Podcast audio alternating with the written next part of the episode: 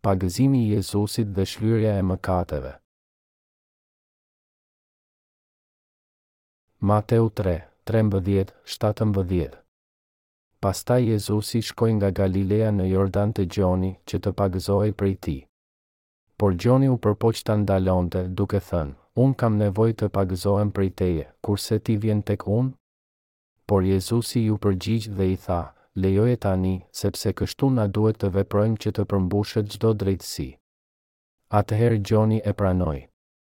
Jezusi, me t'u pagëzuar, u ngrit menjëherë nga uji dhe ja, qiejt u hapën dhe ai pa frymën e Perëndisë duke zbritur si një pëllumb, që erdhi e qëndroi mbi të. Dhe ja, erdhi një zë nga qielli që thoshte, Ky është Biri im i dashur, tek i cili gjej kënaqësi. A ka ndonjë që akoma vuan nga mëkati? A nuk mbaroi skllavëria jonë me mëkatin? Po. Zoti ynë Perëndi ka këputur prangat e mëkatit për të gjithë njerëzit. Të gjithë ata që punojnë nën mëkat janë skllevër. Me shëlbimin e Tij Zoti ynë i këputi prangat në mënyrë të pastër. Ai i largoi të gjitha mëkatet tona. A ka ndonjë që akoma vuan nga mëkati? Ne duhet ta kuptojmë se lufta jonë kundër mëkatit ka përfunduar. Ne asnjëherë nuk duhet të vuajmë më nga mëkati. Skllavëria jonë me mëkatin mbaroi kur Jezusi na shëlbeu, të gjitha mëkatet mbaruan atëherë dhe aty. Të gjitha mëkatet tona janë shlyer nga Biri i Tij. Perëndia pagoi për të gjitha mëkatet tona me anë të Jezusit, i cili na çliroi, përgjithmonë. A e dini se sa shumë vuajnë njerëzit nga mëkatet e tyre? Kjo filloi që nga koha e Adamit dhe e Evës. Njerëzimi vuan nga mëkatet e trashëguara nga Adami. Por Perëndia ynë bëri një besëlidhje që është shkruar tek Zanafilla tre, pesëmbëdhjetë dhe besëlidhja ishte që Ai do t'i çlironte të gjithë mëkatarët. Ai tha se njerëzit do të shëlbeheshin për mëkatet e tyre nëpërmjet flijimit të Jezus Krishtit me anë të ujit dhe të frymës. Dhe kur erdhi koha e përshtatshme, ai dërgoi Shpëtimtarin tonë, Jezusin, për të jetuar mes nesh. Ai gjithashtu premtoi të dërgonte Gjon Pagëzorin para Jezusit dhe ai e mbajti premtimin e tij. Tek Marku një, një, tetë kemi, fillimi i Ungjillit të Jezus Krishtit, Birit të Perëndisë. Siç është shkruar qartë te profetët, Ja, po dërgoj lajmëtarin tim para teje, që do të përgatisë udhën tënde. Zëri i atij që thërret në shkretëtirë, Përgatisni udhën e Zotit, të drejta bëjini shtigjet e tij.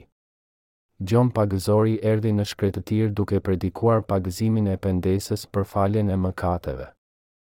Gjithë treva e Judesë dhe Jeruzalemasit dolën dhe shkuan tek ai, të gjithë, duke rrëfyer mëkatet e veta, pagëzoheshin prej tij në lumin Jordan. Gjoni ishte veshur me lesh deveje dhe kishte një rrip lëkure rreth mesit, hante karkaleca dhe mjaltë bletësh të egra.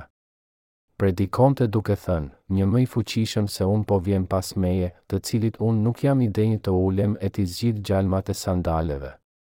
Unë ju kam pagëzuar me ujë, por ai do t'ju pagëzojë me Frymën e Shenjtë. Dëshmitari dhe Lajmëtari i Ungjillit Gjon Pagëzori Kush është Gjon Pagëzori? Prifti i Lartë dhe Përfaqësuesi i të gjithë njerëzimit. Ata që besojnë në Jezus janë pagëzuar. Pagëzim do të thotë të lahesh, të varrosesh, të zhytesh, të kalosh tej. Kur Jezusi u pagëzua, u përmbush drejtësia e Perëndisë. Drejtësi, në greqisht i thonë dikaiosune, që do të thotë të jesh i drejtë dhe gjithashtu do të thotë më i përshtatshëm, më i duhur. Jezusi me anë të pagëzimit të tij, arriti që të bëhej shpëtimtari në mënyrën më të duhur dhe më të përshtatshme. Prandaj, ata që besojnë në Jezus, marrin dhuratën e shëlbimit nga Perëndia duke besuar në pagëzimin e Tij dhe në kryq, në ujin dhe në frymën. Në Dhjatën e Re, Gjon Pagëzori është prifti i lartë i fundit i Dhjatës së Vjetër. Le të shikojmë tek Mateu njëmbëdhjetë, dhjetë, njëmbëdhjetë. Shkrimet e Shenjta thonë që Gjon Pagëzori ishte përfaqësuesi i njerëzimit. Dhe si prifti i lartë në kohën e Dhjatës së Re, ai ia kaloi të gjitha mëkatet e botës Jezusit, duke shërbyer në këtë mënyrë priftërinë e lartë të Dhjatës së Vjetër. Jezusi vetë kishte dëshmuar tek Gjoni. Ai tha tek Mateu njëmbëdhjetë, trembëdhjetë, katërmbëdhjetë, Sepse të gjithë profetët dhe Ligji kanë profetizuar deri në ditët e Gjonit. Dhe nëse doni ta pranoni, ai është Elia, i cili duhej të vinte. Prandaj Gjon pagëzori, i cili pagëzoi Jezusin, ishte një pasardhës i priftit të lartë Aaron dhe prifti i fundit i lartë. Edhe Bibla ka dëshmuar për Gjonin që është një pasardhës i Aaronit të Dhjatës së Vjetër, Luka një, pesë, Kronikat njëzet e katër, dhjetë. Atëherë pse Gjoni jetoi vetëm në shkretëtirë, veshur me rroba të bëra nga lesh deveje? Për të supozuar priftërinë e lartë. dhe si përfaqësuesi i njerëzimit Gjon Pagëzori nuk mund të jetonte mes njerëzve. Në këtë mënyrë ai u thirri njerëzve, Pendohuni, ju pjella nepërkash. Dhe i pagëzoi ata për shkak të frutit të tyre të pendesës, i cili i ktheu njerëzit tek Jezusi, që do t'ua hiqte atyre të gjitha mëkatet. Gjon Pagëzori i kaloi të gjitha mëkatet e botës tek Jezusi për shpëtimin tonë. Dy lloje pagëzimi. Pse i pagëzoi njerëzit Gjon Pagëzori? Për t'i udhëhequr njerëzit të pendoheshin për të gjitha mëkatet e tyre dhe të besonin në pagëzimin e Jezusit për shpëtim. Gjon Pagëzori i pagëzoi shumë njerëz dhe pastaj pagëzoi Jezusin. I pari ishte pagëzimi i pendimit, i cili i thërriste mëkatarët të ktheheshin tek Perëndia. Shumë njerëz që dëgjuan fjalët e Perëndisë nëpërmjet Gjonit, i braktisën idhujt e tyre dhe iu kthyen Perëndisë. Pagëzimi i dytë ishte pagëzimi i Jezusit, pagëzim që i kaloi të gjitha mëkatet e botës tek Jezusi. Gjon pagëzori pagëzoi Jezusin për të përmbushur drejtësinë e Perëndisë. Jezusi u pagëzua nga Gjon pagëzori për t'i shpëtuar të gjithë njerëzit nga mëkatet e tyre, Mateu tre, pesëmbëdhjetë. Pse duhej ta pagëzonte Gjoni Jezusin? Në mënyrë që të fshinte mëkatet e botës, Perëndisë i duhej ta lejonte Gjonin që t'i kalonte të gjitha mëkatet tek Jezusi, në mënyrë që njerëzit që do të besonin në Jezus, të mund të shpëtoheshin. Gjon Pagëzori ishte shërbëtori i Perëndisë, puna e të cilit ishte që të ndihmonte të gjithë njerëzit të laheshin nga mëkatet e tyre dhe ai ishte përfaqësues i njerëzimit që dëshmoi ungjillin e shëlbimit. Prandaj Gjoni duhej të jetonte i vetëm në shkretëtirë. Në kohën e Gjon Pagëzorit, njerëzit e Izraelit ishin të gjithë të korruptuar dhe të degjeneruar deri në palcë. Prandaj Perëndia tha në Dhjatën e Vjetër, Malakia katër, pesë, gjashtë, Ja, unë do t'ju dërgoj Elian, profetin, para se të vijë dita e madhe dhe e llahtarshme e Zotit. Ai do të bëjë që zemrat e etërve t'u kthehen bijve dhe zemrat e bijve etërve, me qëllim që vendi të mos goditet nga një shfarosje e plotë. Në sytë e Perëndisë, të gjithë njerëzit e Izraelit që adhuronin Jehovain ishin të korruptuar. Asnjë nuk ishte i drejtë përpara tij.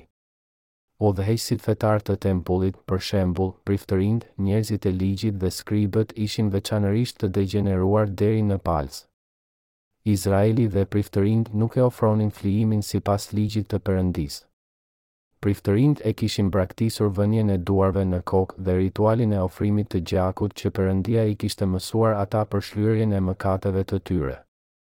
Është regjistruar se priftërinjtë e ditëve të Malakait e kishin braktisur flijimin, vënien e duarve dhe ofertën e gjakut në ritual. Prandaj Gjon Pagëzori nuk mund të qëndronte me ta. Kështu Gjon Pagëzori shkoi në shkretëtirë dhe thërriti. Çfarë tha ai? Është shkruar tek Marku një, dy, tre, me fjalët e profetit Isaia, Ja, po dërgoj lajmëtarin tim para teje, që do të përgatisë udhën tënde. Zëri i atij që thërret në shkretëtirë, Përgatisni udhën e Zotit, të drejta bëjini shtigjet e tij. Zëri në shkretëtirë i thërriti njerëzve për pagëzimin e pendimin. Çfarë është pagëzimi i pendimit për të cilin flet Bibla? Ai është pagëzimi për të cilin Gjon Pagëzori thërriti, pagëzim që i thërriti njerëzit të ktheheshin tek Jezusi, që ata të besonin në Jezus i cili do t'ua hiqte mëkatet e tyre dhe do t'i shpëtonte. Pagëzimi i pendimit do t'i udhëhiqte ata në shpëtim. Pendohuni dhe pagëzohuni dhe Jezusi do të pagëzohet në të njëjtën mënyrë për të hequr të gjitha mëkatet tuaja. Britma e Gjon Pagëzorit ishte që Jezusi do të merrte të gjitha mëkatet e botës dhe që do të gjykoheshe në kryq për të shpëtuar të gjithë njerëzit, në mënyrë që ata të ktheheshin tek Perëndia. Unë ju kam pagëzuar me ujë, por Ai do t'ju pagëzojë me Frymën e Shenjtë. T'ju pagëzojë juve me Frymën e Shenjtë do të thotë të lash të gjitha mëkatet tuaja. Të pagëzohesh do të thotë të lahesh. Pagëzimi i Jezusit në Jordan na tregon se Biri i Perëndisë u pagëzua në këtë mënyrë dhe i hoqi të gjitha mëkatet tona për të na shpëtuar. Prandaj ne duhet t'i kthejmë kurrizin mëkateve dhe të besojmë në të. Ai është qengji që heq mëkatet e të gjithë njerëzve. Dhe ky është ungjilli i shëlbimit për të cilin dëshmoi Gjon Pagëzori.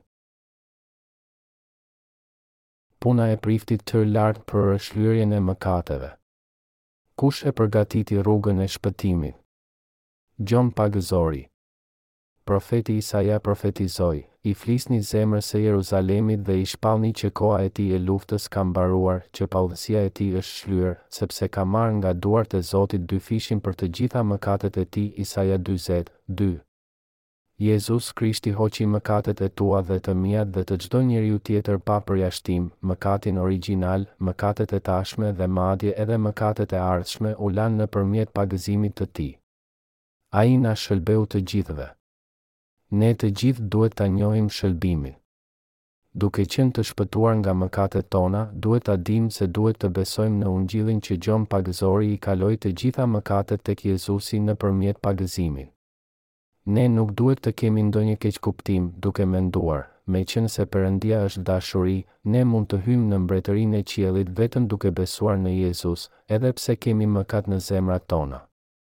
Në mënyrë që të shëlbehemi për të gjitha mëkatet tona, ne duhet të besojmë në pagëzimin e Tij, me anë të të cilit Gjon Pagëzori i kaloi të gjitha mëkatet e botës tek Jezusi dhe në kryq. Gjon Pagëzori i kaloi të gjitha mëkatet e njerëzimit tek Jezusi me anë të ujit. Gjëja e parë që bëri Perëndia për të na shpëtuar ishte që të dërgonte Gjonin në këtë botë. Lajmëtari i Perëndisë, Gjon Pagëzori u dërgua si një ambasador i Mbretit, i cili i kaloi të gjitha mëkatet e botës tek Jezusi nëpërmjet pagëzimit. Dhe ai shërbeu priftërinë e lartë të të gjithë njerëzimit. Perëndia na tha se Ai dërgoi tek ne lajmëtarin e Tij Gjon Pagëzori. Po dërgoj lajmëtarin tim para teje. Para teje do të thotë para Jezusit. Cila ishte arsyeja që Ai dërgoi Gjonin para Jezusit? Arsyeja ishte për të kaluar të gjitha mëkatet e njerëzimit tek Jezusi me anë të pagëzimit. Ai do përgatisë udhën tënde. Ja se ç'deshte të thoshte Ai. Kush është ai që përgatiti udhën që ne të shëlbehemi dhe të shkojmë në qiell? Gjon Pagëzori. Teje e ka fjalën për Jezusin dhe Tim, Perëndia e ka fjalën për vete. Prandaj, kur Ai thotë, Ja, po dërgoj Lajmëtarin Tim para teje, që do të përgatisë udhën tënde, çfarë kuptimi ka kjo? Kush do të përgatisë udhën tonë që ne të mund të shkojmë në qiell? Gjon Pagëzori i kaloi të gjitha mëkatet tona tek Jezusi që ne të besonim që Jezusi i lau të gjitha mëkatet tona për ne, detyra e tij ishte që t'i kalonte mëkatet, të pagëzonte Jezus Krishtin. Ishin Jezusi dhe Gjoni që e bënë të mundur që ne të besonim në të vërtetën dhe të shëlbeheshim. Nga se varet shpëtimi ynë? Varet nëse besojmë në veprat e Jezusit, Birin e Perëndisë dhe në faktin se Lajmëtari i Perëndisë i kaloi të gjitha mëkatet e botës tek Ai. Ne të gjithë duhet ta njohim ungjillin e faljes së mëkateve. Ati Perëndi dërgoi Lajmëtarin e Tij më parë, atë që do të pagëzonte Birin e Tij dhe e bëri atë përfaqësuesin e njerëzimin. Në këtë mënyrë, Ai e përfundoi punën e shëlbimit për ne. Perëndia dërgoi shërbëtorin e tij Gjon Pagëzorin të pagëzonte birin e tij, në mënyrë që Gjon Pagëzori të mund të përgatiste udhën për shpëtim për ata që do të besonin tek biri i tij. Kjo është arsyeja e pagëzimit të Jezusit. Pagëzimi i Jezusit nga Gjon Pagëzori ishte shëlbimi, nëpërmjet të cilit të gjitha mëkatet e njerëzimit u kaluan tek Jezusi, kështu që të gjithë njerëzit të mund të besonin në Jezus dhe të shkonin në qiell. Madje edhe mëkatet e ardhshme të njerëzimit u kaluan tek Jezusi nëpërmjet pagëzimit të Tij. Jezusi dhe Gjon Pagëzori së bashku përgatitën për ne udhën për në qiell. Në këtë mënyrë, Perëndia zbuloi sekretin e shëlbimit nëpërmjet Gjon Pagëzorit. Si përfaqësues i secilit prej nesh, Gjon Pagëzori pagëzoi Jezusin në mënyrë që ne të mund të besojmë në shëlbimin tonë dhe të shkojmë në qiell. Ai i kaloi të gjitha mëkatet tek Jezusi nëpërmjet pagëzimin. Ky është lajmi i gëzueshëm i shëlbimit, Ungjilli. Pse lindi Gjon Pagëzori? Nëpërmjet kujt mund të besojmë në Jezus? Gjon Pagëzori. Tek Malakia tre, një është shkruar, Ja, unë po dërgoj lajmëtarin tim për të përgatitur rrugën para meje. Ju duhet ta lexoni Biblën me kujdes. Pse e dërgoi Perëndia lajmëtarin e tij para nesh? Pse Gjon Pagëzori lindi gjashtë muaj para Jezusit? Ne duhet ta kuptojmë se çfarë qëllimi ka Bibla. Ka një pjesë tek Dhjata e Vjetër rreth shërbesës së Priftit të Lartë Aaron. Aaroni ishte vëllai më i madh i Moisiut. Ai dhe bijtë e tij u vajosën si priftërinj nga Perëndia. Levitët e tjerë punonin nën ta, duke u sjellë atyre vegla të ndryshme, duke e përzier brumin për bukë dhe gjëra të tilla, ndërsa djemtë e Aaronit ofronin flijimin brenda tabernakullit të shenjtë. Në këtë mënyrë, djemtë e Aaronit ishin vajosur për ta ndarë punën në mënyrë të barabartë mes tyre, por në ditën e Shlyerjes, ditën e dhjetë të muajit të shtatë, vetëm Prifti i Lartë ofronte flijimin e Shlyerjes për njerëzit e tij. Tek Luka një, pesë gjendet rrëfimi i prejardhjes së Gjon Pagëzorit. Në mënyrë që ta kuptojmë Jezusin në mënyrë të saktë, ne duhet ta kuptojmë në mënyrë të saktë këtë lajmëtar të Perëndisë. Ne priremi për të menduar shumë rreth Jezusit, por e injorojmë shumë Gjon Pagëzorin, i cili erdhi përpara tij. Unë dua t'ju ndihmoj ta kuptoni këtë. Fillimi i Ungjillit të Jezus Krishtit, Birit të Perëndisë. ashtu siç është shkruar te profetët, Ja po dërgoj lajmëtarin tim para teje. Ungjilli i qiellit gjithmonë fillon me Gjon Pagëzorin. Kur ne i kuptojmë mirë gjërat rreth Gjon Pagëzorit, ne mund të kuptojmë dhe besojmë qartë në Ungjillin e shëlbimit të Jezusit. Është gjë e ngjashme kur dëgjojmë ambasadorët që kemi dërguar në të gjithë botën, në mënyrë që të kuptojmë situatat e të gjitha kombeve. Kur ne kemi njohuri rreth gjon pagëzorit, ne mund ta kuptojmë shumë mirë shëlbimin e Perëndisë. Megjithatë, sa keq që të vjen që shumë të krishterë në ditët e sotme nuk e shikojnë rëndësinë e gjonit. Perëndia nuk e dërgoi gjon pagëzorin meqë ai nuk kishte asgjë tjetër më të mirë për të bërë. Të katërt librat e parë të Ungjillit në Dhjatën e Re flasin rreth gjon pagëzorit përpara se të flasin për shëlbimin e Jezus Krishtit. Por evangjelistët e sotëm e injorojnë atë plotësisht dhe u thonë njerëzve se vetëm besimi në Jezus është i mjaftueshëm për shpëtim. Ata janë në fakt njerëzit kryesorë që jetojnë si mëkatarë gjatë gjithë jetës së tyre dhe përfundojnë në ferr. Në qoftë se ju vetëm besoni në Jezus pa kuptuar rolin e Gjon Pagëzorit, krishterimi vetëm luan rolin e njërës prej feve për ju. Si mund të shëlbeheni prej mëkateve tuaja nëse nuk njihni të vërtetën? Është e pamundur. Ungjilli i shëlbimit nuk është as aq i thjeshtë, as edhe i lehtë. Shumë njerëz mendojnë se shëlbimi qëndron në besimin tonë në kryq, pasi Jezusi vdiq në kryq për ne. Por nëse besoni vetëm në kryqëzimin pa e ditur të vërtetën për kalimin e mëkateve, asnjë sasi besimi nuk do t'ju udhëheqë drejt shëlbimit tërësor. Prandaj Perëndia dërgoi Gjon Pagëzorin në mënyrë që t'i tregonte botës se si duhej të arrihej shëlbimi dhe se si Jezusi do t'i hiqte mëkatet e botës. Vetëm nëse njohim të vërtetën do ta kuptojmë se Jezusi është Biri i Perëndisë që i mori të gjitha mëkatet tona mbi vete. Gjon Pagëzori na tregon rreth së vërtetës së shëlbimit. Ai na tregon se si ai erdhi për të dëshmuar për natyrën hyjnore të Jezusit, se si njerëzit nuk do ta pranonin atë kur drita erdhi poshtë në këtë botë. Ai gjithashtu dëshmoi tek Gjoni një se ishte ai që përgatiti ungjillin e shëlbimit duke pagëzuar Jezus Krishtin. Nëse nuk do të kishim dëshminë e Gjon Pagëzorit rreth shëlbimit, si mund të besonim në Jezus? Ne asnjëherë nuk e kemi parë Jezusin dhe kur ne të gjithë vijmë nga tradita dhe besime të ndryshme, si është e mundur që të besohet në Jehovain? Duke patur kaq shumë larmi besimesh nëpër botë, si mund ta njihnim Jezus Krishtin? Si mund ta dinim se Jezusi ishte në fakt Biri i Perëndisë që na shëlbeu duke marrë të gjitha mëkatet e botës mbi vete? Prandaj, ne duhet të shikojmë tek Dhjata e Vjetër për të gjetur që nga fillimi fjalët e shëlbimit dhe të vijmë në njohurinë se Jezusi është Shpëtimtari ynë.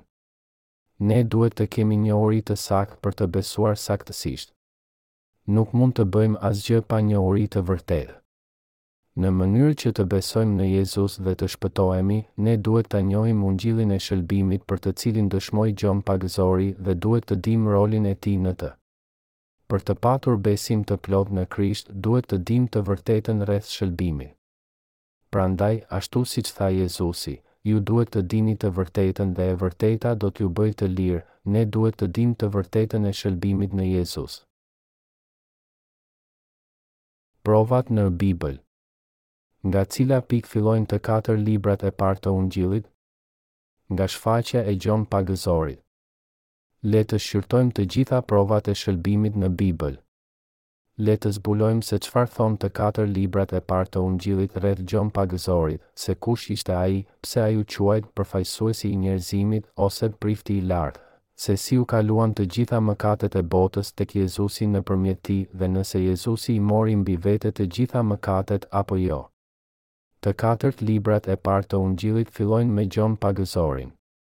Gjoni një, gjashtë na tregon faktorin më kryesor në Ungjill. Na tregon se kush e kreu detyrën e kalimit të të gjitha mëkateve të botës tek Jezusi. Ishte një njeri i dërguar nga Perëndia, që e kishte emrin Gjon. Ky erdhi për dëshmim, për të dëshmuar për dritën, që të gjithë të mund të besonin nëpërmjet tij, Gjoni një, gjashtë, shtatë. Aty thuhet që të gjithë të mund të besonin nëpërmjet tij dhe se ai ishte për të dëshmuar për dritën. Drita është Jezus Krishti.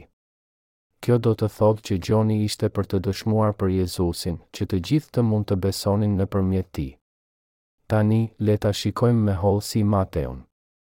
Tek Mateu tre, trembëdhjetë, shtatëmbëdhjetë, Pastaj Jezusi shkoi nga Galileja në Jordan te Gjoni, që të pagëzohej prej tij. Por Gjoni u përpoq ta ndalonte, duke thënë, Unë kam nevojë të pagëzohem prej teje, kurse ti vjen tek unë?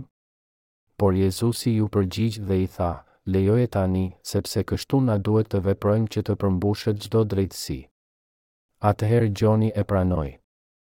Jezusi, me t'u pagëzuar, u ngrit menjëherë nga uji dhe ja, qiejt u hapën dhe ai pa frymën e Perëndisë duke zbritur si një pëllumb, që erdhi e qëndroi mbi të. Dhe ja, erdhi një zë nga qielli që thoshte, Ky është Biri im i dashur, tek i cili gjej kënaqësi. Pse duhet që ta kuptojmë prejardhjen e Gjonit? Sepse Bibla na tregon se Gjoni është prifti i lartë i të gjithë njerëzimit. Gjon Pagëzori i pagëzoi Jezusin. Tek Luka një, shtatë, tetë, Jezus Krishti përmbushi shëlbimin e të gjithë mëkateve duke u pagëzuar nga Gjoni. Le ta shikojmë. Te Luka një, një, katërmbëdhjetë, Meqenëse shumë veta kanë marrë përsipër të renditin rrëfimin e atyre gjërave që kanë ndodhur midis nesh, ashtu siç na i kanë lënë ata, të cilët që prej fillimit ishin dëshmitarë të fjalës dhe u bënë shërbyes të saj, m'u duk me vend edhe mua, që i kam ndjekur këto gjëra me saktësi që prej fillimit, që t'i shkruaj me radhë, fort i nderuar Teofil, që ta marrësh vesh vërtetësinë e atyre gjërave që të kanë mësuar.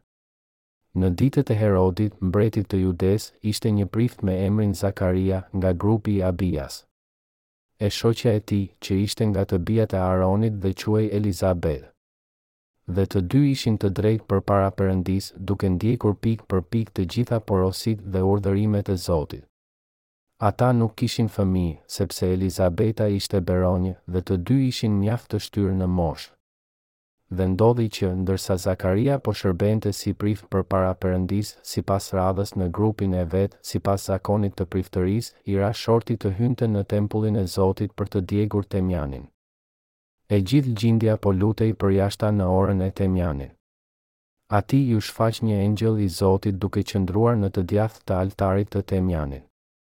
Zakaria, kur e pa, u shqetësua, dhe e pushtoi frika. Por engjëlli i tha, Mos ki frikë, Zakari, sepse lutja jote u dëgjua, jot shoqe Elizabeta do të të lindë një djalë, të cilit do t'ia vësh emrin Gjon. Ai do t'ju sjellë gëzim me hare, dhe shumë do të gëzojnë për lindjen e tij. Luka na e tregon të detajuar prejardhjen e Gjonit. Luka, një dishepull i Jezusit, shpjegon prejardhjen e Gjonit që nga fillimi.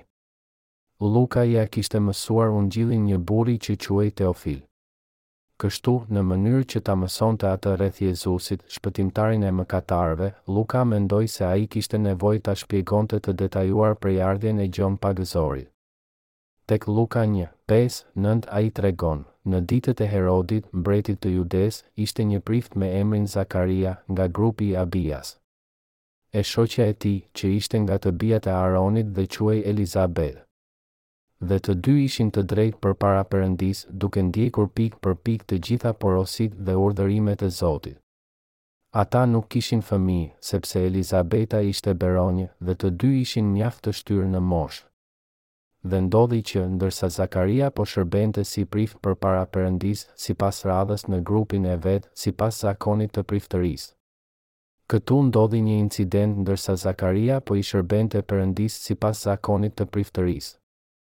Luka dëshmon qartë se Zakaria ishte një pasardhës i Aaronit. Po Zakaria, cilit grup i përkiste? Kjo është një pikë shumë e rëndësishme. Ai shpjegoi, Ndërsa Zakaria po shërbente si prift përpara Perëndisë sipas radhës në grupin e vet. Mund ta shikojmë qartë se Luka dinte aq shumë rreth Zakarisë, sa ai e shpjegoi ungjillin e shëlbimit nëpërmjet Zakarisë dhe Elizabetës. Ashtu sikurse jemi edhe johebrenj nga raca të ndryshme, nuk mund ta kuptojmë shpëtimin e Jezusit nëse nuk do të ishte i shpjeguar me hollësi, hap pas hapi. Le të shikojmë se cilat janë hollësitë. Gjon pagëzori i kishte lindur Zakarisë dhe gruas së tij Elizabetës, që ishte njëra nga vajzat e Aronit. Tani le të shikojmë prejardhjen e Zakarisë dhe Gjonit. Prejardhja e Gjon pagëzorit. Pasardhës i kujt ishte Gjon pagëzori? Aronit, priftit të lartë. Për të kuptuar prejardhjen e Gjon Pagëzorit duhet të lexojmë Dhjatën e Vjetër, një Kronikave njëzet e katër, një, nëntëmbëdhjetë. Klasat e bijve të Aronit ishin këto. Bijtë e Aronit ishin Nadabi, Abihu, Eleazari dhe Ithamari. Nadabi dhe Abihu vdiqën para atit të tyre dhe nuk lanë fëmijë, prandaj ushtruan detyrën e priftit Eleazari dhe Ithamari. Pastaj Davidi së bashku me Cadokun nga bijtë e Eleazarit dhe me Ahimelekun nga bijtë e Ithamarit i ndau sipas detyrave të shërbimit të tyre. Meqenëse kishte më tepër familjar midis bijve të Eleazarit sesa midis bijve të Ithamarit, ata u ndanë në këtë mënyrë, për bijtë e Eleazarit, gjashtëmbëdhjetë të parë të shtëpisë atërore dhe për bijtë e Ithamarit, tetë të parë sipas shtëpive të tyre atërore. Ata u ndanë me short, si njëra palë ashtu dhe pala tjetër, sepse kishte princa të shenjtërores dhe princa të Perëndisë qoftë midis bijve të Eleazarit, qoftë midis bijve të Ithamarit. Shkruesi Shemajahu, bir i Nathaneelit, një levit i regjistroi në prani të mbretit, të princave, të priftit Tsadok, të Ahimelekut, birit të Abjatharit, dhe të të parëve të shtëpive atërore të priftërinjve dhe të levitëve.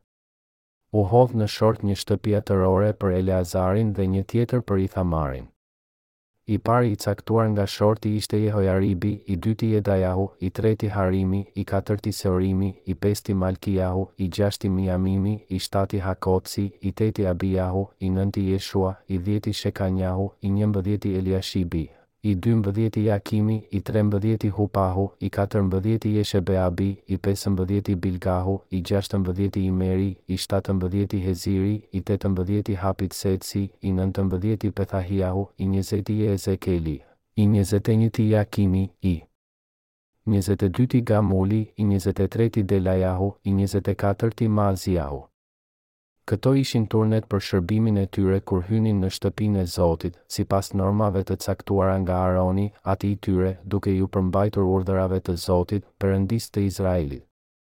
Le të lexojmë vargun dhjetë përsëri. I shtati Hakotsi, i teti Abijahu. Këtu, Davidi u dha turne secilit prej bijve të Aronit, në mënyrë që flijimi të ofroheshe me rregull. Ashtu siç e dini, Aaroni ishte vëllai më i madh i Moisiu. Perëndia shuguroi Moses si agjentin e tij dhe Aaronin si priftin e lartë të tabernakullit të shenjtë përpara popullit të Izraelit. Të gjithë levitët e tjerë u vendosën në priftërinë dhe Aaroni dhe bijtë e tij u ngarkuan me detyrën e të gjitha sakrificave përpara Perëndisë. Para se Davidi t'i caktonte turnet, priftërinjtë, pasardhësit e Aaronit, duhej që të hidhnin shorte çdo herë dhe kjo kishte shkaktuar shumë konfuzion. Prandaj Davidi e rregulloi sistemin duke vendosur rregull në çdo klasë. Kishte njëzet e katër klasa me një rregull që e kishte burimin që nga nipërit e Aaronit dhe i teti ishte Abijahu. Dhe ai tha, Një prift i caktuar i quajtur Zakaria, i klasës së Abijahu. Kështu Zakaria ishte një prift i klasës së Abijahut dhe që të dy ata ishin pasardhës të Aaronit, priftit të lartë. Ishte Zakaria, një prift i klasës së Abijahut, që ishte i ati i Gjon Pagëzorit. Ne e dimë nga Bibla se atëherë ata martoheshin brenda për brenda familjes. Ashtu siç e dini, Jakobi u martua me një vajzë të dajës. Ky shpjegim i prejardhjes ka një rëndësi thellësisht të madhe. thuhet, një prift i caktuar i quajtur Zakaria, i klasës së Abijaut. Prandaj ai ishte pa diskutim një pasardhës i Aaronit. Kush? Zakaria, ati i Gjon Pagëzorit. Ky është një faktor i rëndësishëm për të shpjeguar shërbimin e Jezusit dhe shërbesën e Gjon Pagëzorit dhe kalimin e mëkateve të botës tek Jezusi. Vetëm bijtë e Aaronit do të shërbejnë si priftërinj. Kush mund të shërbente si prift i lartë në kohën e dhjatës së vjetër? Aaroni dhe pasardhësit e tij. Atëherë, ku cilësohet në Bibël që bijtë e Aaronit duhej të shërbenin si priftërinj? Le ta shikojmë. tek numrat njëzet, njëzet e dy, njëzet e nëntë, Atëherë bijtë e Izraelit, tërë asambleja u nisën nga Kadeshi dhe arritën në malin Hor dhe Zoti i foli Moisiut dhe Aaronit në malin Hor, në kufijtë e vendit të Edomit, duke thënë, Aaroni po bashkohet me popullin e tij dhe nuk ka për të hyrë në vendin që u kam dhënë bijve të Izraelit, sepse keni ngritur krye kundër urdhrit tim në ujërat e Meribës. Merr Aaronin dhe Eleazarin, birin e tij dhe çoji lart, në malin e Horit.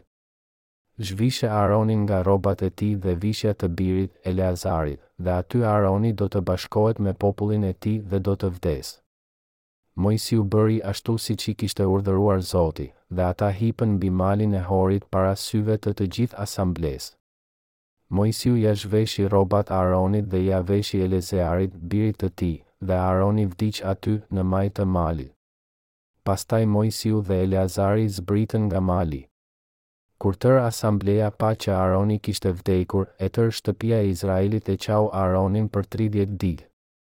Tek Eksodi, ligji i Perëndisë është regjistruar duke thënë se bijtë e Priftit të Lartë duhet ta marrin përsipër priftërinë e lartë ashtu siç bënë etërit e tyre kur erdhën në moshën e caktuar.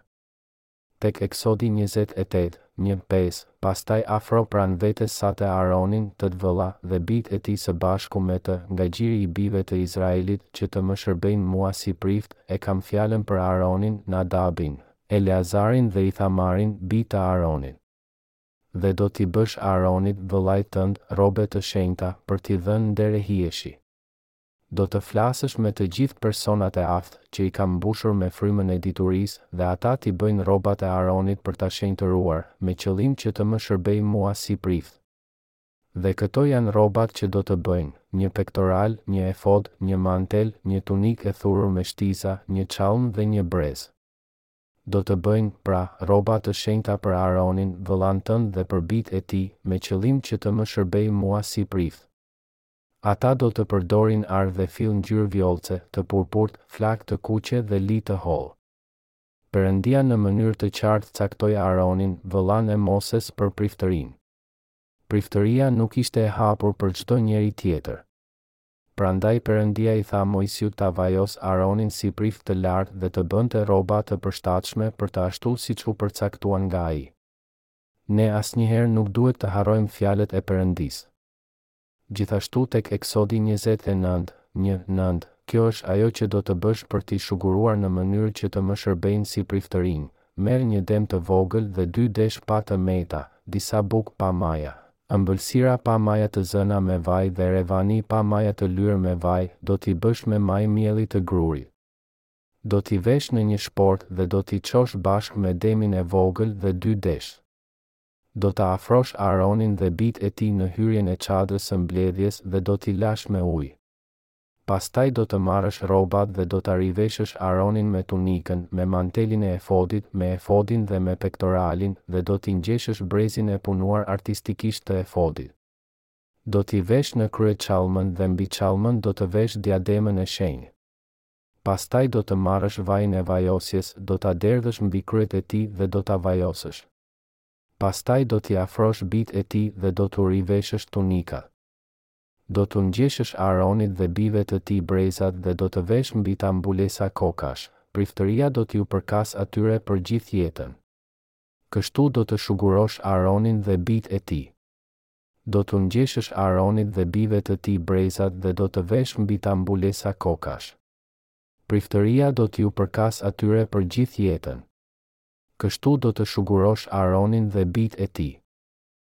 Perëndia e cilësoi se vetëm Aaroni dhe bijtë e tij duhej t'i përkushtoheshin shërbesës së priftërisë për të gjithë jetën. Kur ai në mënyrë të veçantë tha, për gjithë jetën, kjo gjë u mbajt e vërtetë madje edhe mbasi Jezusi erdhi në këtë botë. Prandaj Luka e shpjegon me hollësi që Zakaria ishte një pasardhës i Aaronit, i Priftit të Lartë. Kur Zakaria po shërbente si prift para Perëndisë në tempullin e Zotit, një engjëll u shfaq dhe i tha atij se lutja e tij ishte dëgjuar, se gruaja e tij Elizabeta do t'i lindte atij një djalë.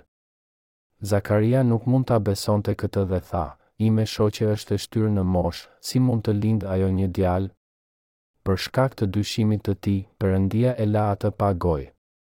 Në kohën e duhur, gruaja e tij mbeti shtatzënë dhe mbas pak, edhe Maria, një virgjëreshë, mbeti shtatzënë. Të dyja këto ngjarje ishin punët përgatitore të Perëndisë për shpëtimin tonë. Për të shpëtuar njerëzimin e degjeneruar, ai duhej të dërgonte shërbëtorin e tij Gjon dhe të bënte që biri i tij i vetëmlindur Jezus të lindej në këtë botë. Prandaj ai bëri që biri i tij të pagëzohej nga Gjoni në mënyrë që të kaloheshin të gjitha mëkatet e botës, që ata që do të besonin tek ai, do të shpëtoheshin. Urtësia e veçantë e Perëndisë Kë përgatiti Perëndia para Jezusit për punën e shëlbimit? Gjon Pagëzorin. Ai ishte shpëtimtari i njerëzimit, Jezus Krishti, që u lind nga trupi i Virgjëreshës Maria. Maria ishte e fejuar me Jozefin i cili ishte një pasardhës e Judës. Jezusi duhej që të lindte nga pasardhësit e Judës për të përmbushur besëlidhjen e Perëndisë, ashtu si Gjon Pagëzori duhej të lindte në shtëpinë e priftit të lartë Aaron. Perëndia bëri që këta të dy të lindeshin në këtë botë, Gjoni përpara Jezusit. Gjoni u lind që ai të mund ta pagëzonte Jezusin dhe t'ia kalonte atij të gjitha mëkatet e botës. Një pasardhës i priftit të lartë duhej që të ofronte flijimin e shlyerjes, në mënyrë që të përmbushej besëlidhja e Perëndisë e bërë në Dhjatën e Vjetër dhe të Re, në mënyrë që ungjilli i shëlbimit të Jezusit të besohej dhe të zbatohej në mënyrë të saktë. Tek Eksodi, Perëndia i dha Izraelit Ligjin dhe besëlidhjet e tij, Ligjin e Perëndisë dhe Ligjin për të drejtuar shërbesën e flijimit në tabernakull, deri tek veshjet e priftërinjve, hollësirat e flijimit dhe trashëgiminë e priftërisë tek bijtë e priftërinjve. Perëndia caktoi Aaronin dhe pasardhësit e tij për priftërinë e lartë për gjithë jetën. Në këtë mënyrë, të gjithë pasardhësit e Aaronit mund të ofronin flijime dhe priftërinjtë e lartë mund të rridhnin vetëm nga shtëpia e Aaronit. A e shikoni mënyrën se ishte kjo? Por ndërmjet shumë prej pasardhësve të Aaronit, Perëndia zgjodhi një prift të veçantë, të quajtur Zakaria dhe gruan e tij Elizabeta. Ai tha, Po dërgoj lajmëtarin tim para teje. Kur Perëndia i tha Zakarisë se ai do ta bënte Elizabetën të aftë që të lindte një djalë dhe se ai do ta quante atë Gjon, ai mbeti kaq i habitur, sa u bë i pagojë me komandën e tij derisa të lindej dhe t'i vihej emri djalit. Dhe në të vërtetë një djalë u lind në shtëpinë e tij. Kur erdhi koha që bebit t'i vihej emri, sipas traditës së Izraelit, djalit i vihej emri i të atit. Kur i erdhi koha Elizabetës për të lindur, ajo nxori në dritë një djalë. Fqinjët dhe të afërmit e saj e dëgjuan që Zoti po ia shfaqte asaj madhërisht mëshirën e Vet dhe ata gëzoheshin bashkë me të. Dhe ndodhi që ditën e tetë, shkuan për ta rrethprerë fëmijën dhe ia vunë emrin Zakari, sipas emrit të të atit. Por e ëma u përgjigj dhe tha, Jo, jo. Do të quhet Gjon. Ata i thanë, Nuk ka njeri nga farefisi yt që të quhet me këtë emër. i bën me shenjë të atit të tij për të marrë vesh se si donte ta quante ai. Ai kërkoi t'i jepnin një dërrasëz dhe shkroi këtë, Emri i tij është Gjon.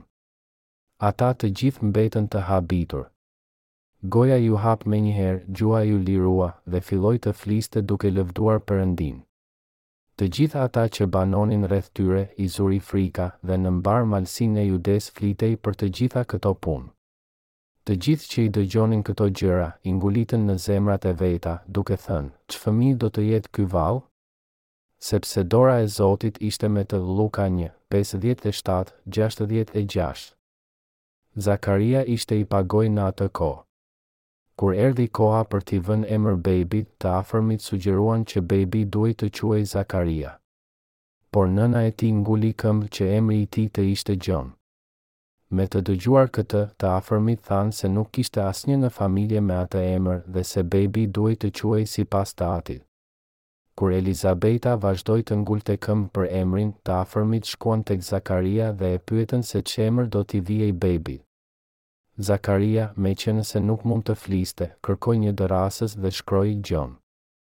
Të gjithë të afërmit u çuditën për këtë zgjedhje të pazakontë të emrit. Por menjëherë mbasi ia vunë emrin, goja e Zakarisë u hap menjëherë. Ai lavdëroi Perëndinë dhe ai u mbush me Frymën e Shenjtë dhe profetizoi. Lluka tregon për lindjen e Gjon Pagëzorit në shtëpinë e Zakarisë. Ishte një prift i caktuar i quajtur Zakaria, i klasës së Abijaut. Në mirësinë e veçantë të Perëndisë, Gjon Pagëzori, përfaqësuesi i njerëzimit, i lindi Zakarisë, një pasardhësi të Aaronit. Dhe nëpërmjet Gjon Pagëzorit dhe Jezus Krishtit, Perëndia përmbushi shpëtimin e njerëzimit. Ne jemi shpëtuar nga të gjitha mëkatet tona duke besuar në veprën e shëlbimit zbatuar nëpërmjet Gjonit dhe Jezus Krishtit. Pagëzimi i Jezusit Pse u pagëzua Jezusi nga Gjoni? Për të hequr të gjitha mëkatet e botës. Gjon pagëzori dëshmoi se Jezusi ishte biri i Perëndisë dhe ai hoqi të gjitha mëkatet tona. Ai ishte Gjon pagëzori, shërbëtori i Perëndisë i cili dëshmoi për shpëtimin tonë. Kjo nuk do të thotë se Perëndia nuk na tregon vetë se ai është shpëtimtari ynë. Perëndia punon nëpërmjet shërbëtorëve të tij në kishë dhe nëpërmjet gojëve të të gjithë njerëzve të tij që janë shpëtuar.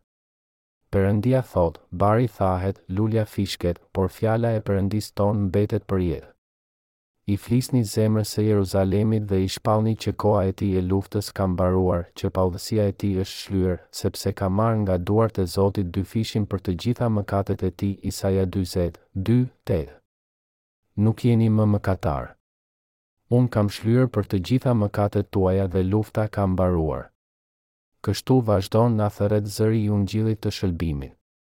Kjo është ajo gjë që quhet ungjilli i përgatitur. Kur ne i kuptojmë veprat e Gjon Pagëzorit, kur me të vërtetë e kuptojmë se të gjitha mëkatet e botës u kaluan tek Jezusi nëpërmjet Gjon Pagëzorit, ne të gjithë mund të çlirohemi nga mëkatet tona. Të katër librat e parë të Ungjillit tek Dhjata e Re na tregojnë për Gjon Pagëzorin dhe gjithashtu profeti i fundit i Dhjatës së Vjetër dëshmon rreth Gjon Pagëzorit, shërbëtorin e Perëndisë. Dhjata e Re fillon me lindjen e Gjon Pagëzorit dhe me kalimin e mëkateve nëpërmjet tij. Atëherë pse e quajmë atë Gjon Pagëzori? Sepse ai pagëzoi Jezusin. Çfarë do të thotë pagëzim? do të thotë që të kalosh tek të varrosesh, të lahesh njëlloj si tek vendosja e duarve në dhjatën e vjetër. Në dhjatën e vjetër, kur një njeri mëkatonte, ai i kalonte mëkatet në kokën e një flijimi të mëkatit, tek flijimi pa të meta, duke vendosur duart e tij tek flijimi i mëkatit dhe flijimi ngordhte me këto mëkate mbi vete. Vënia e duarve do të thotë të kalosh tek. Prandaj, vënia e duarve dhe pagëzimi janë e njëjta gjë, por me emra të ndryshëm. Atëherë, cili ishte kuptimi i pagëzimit të Jezusit? Pagëzimi ishte e vetmja mënyrë për ta bërë shlyerjen brenda shugurimit të Perëndisë. Në Dhjatën e Vjetër, mëkatarët duhej që të vendosnin duart e tyre në kokën e flijimit në mënyrë që të kalonin mëkatet e tyre tek koka e tij. Pastaj ata duhej që t'ia prisnin fytin dhe priftërinjtë e sillnin gjakun për ta vënë në brirët e altarit të Holokaustit. Kjo ishte mënyra për të shlyer për mëkatet e ditës. Atëherë, si shlyenin ata për mëkatet vjetore? Aaroni, Prifti i Lartë, ofronte flijimin për të gjithë njerëzit e Izraelit. Meqenëse Gjon pagëzori lindi nga shtëpia e Aaronit ishte e përshtatshme për të të bëhej prifti i lartë dhe Perëndia e paracaktoi atë të bëhej prifti i lartë i fundit, sipas premtimit të tij të shëlbimit. Gjon pagëzori ishte përfaqësuesi i të gjithë njerëzimit dhe prifti i lartë i fundit i të gjithë njerëzimit sepse dhjata e vjetër përfundoi kur lindi Jezus Krishti. Kush tjetër përveçse Gjon Pagëzorit i kaloi të gjitha mëkatet e botës tek Jezusi në Dhjatën e Re, pikërisht ashtu si Aaroni kishte shlyer për mëkatet e njerëzve të tij në Dhjatën e Vjetër? Si Prifti i Lartë i fundit i Dhjatës së Vjetër dhe Përfaqësuesi i njerëzimit, Gjon Pagëzori i kaloi të gjitha mëkatet e botës tek Jezusi me pagëzimin e Jezusit. Meqenëse Gjoni i kaloi të gjitha mëkatet tek Jezusi, ne mund të shëlbehemi duke besuar në Ungjillin e Ujit dhe të Frymës.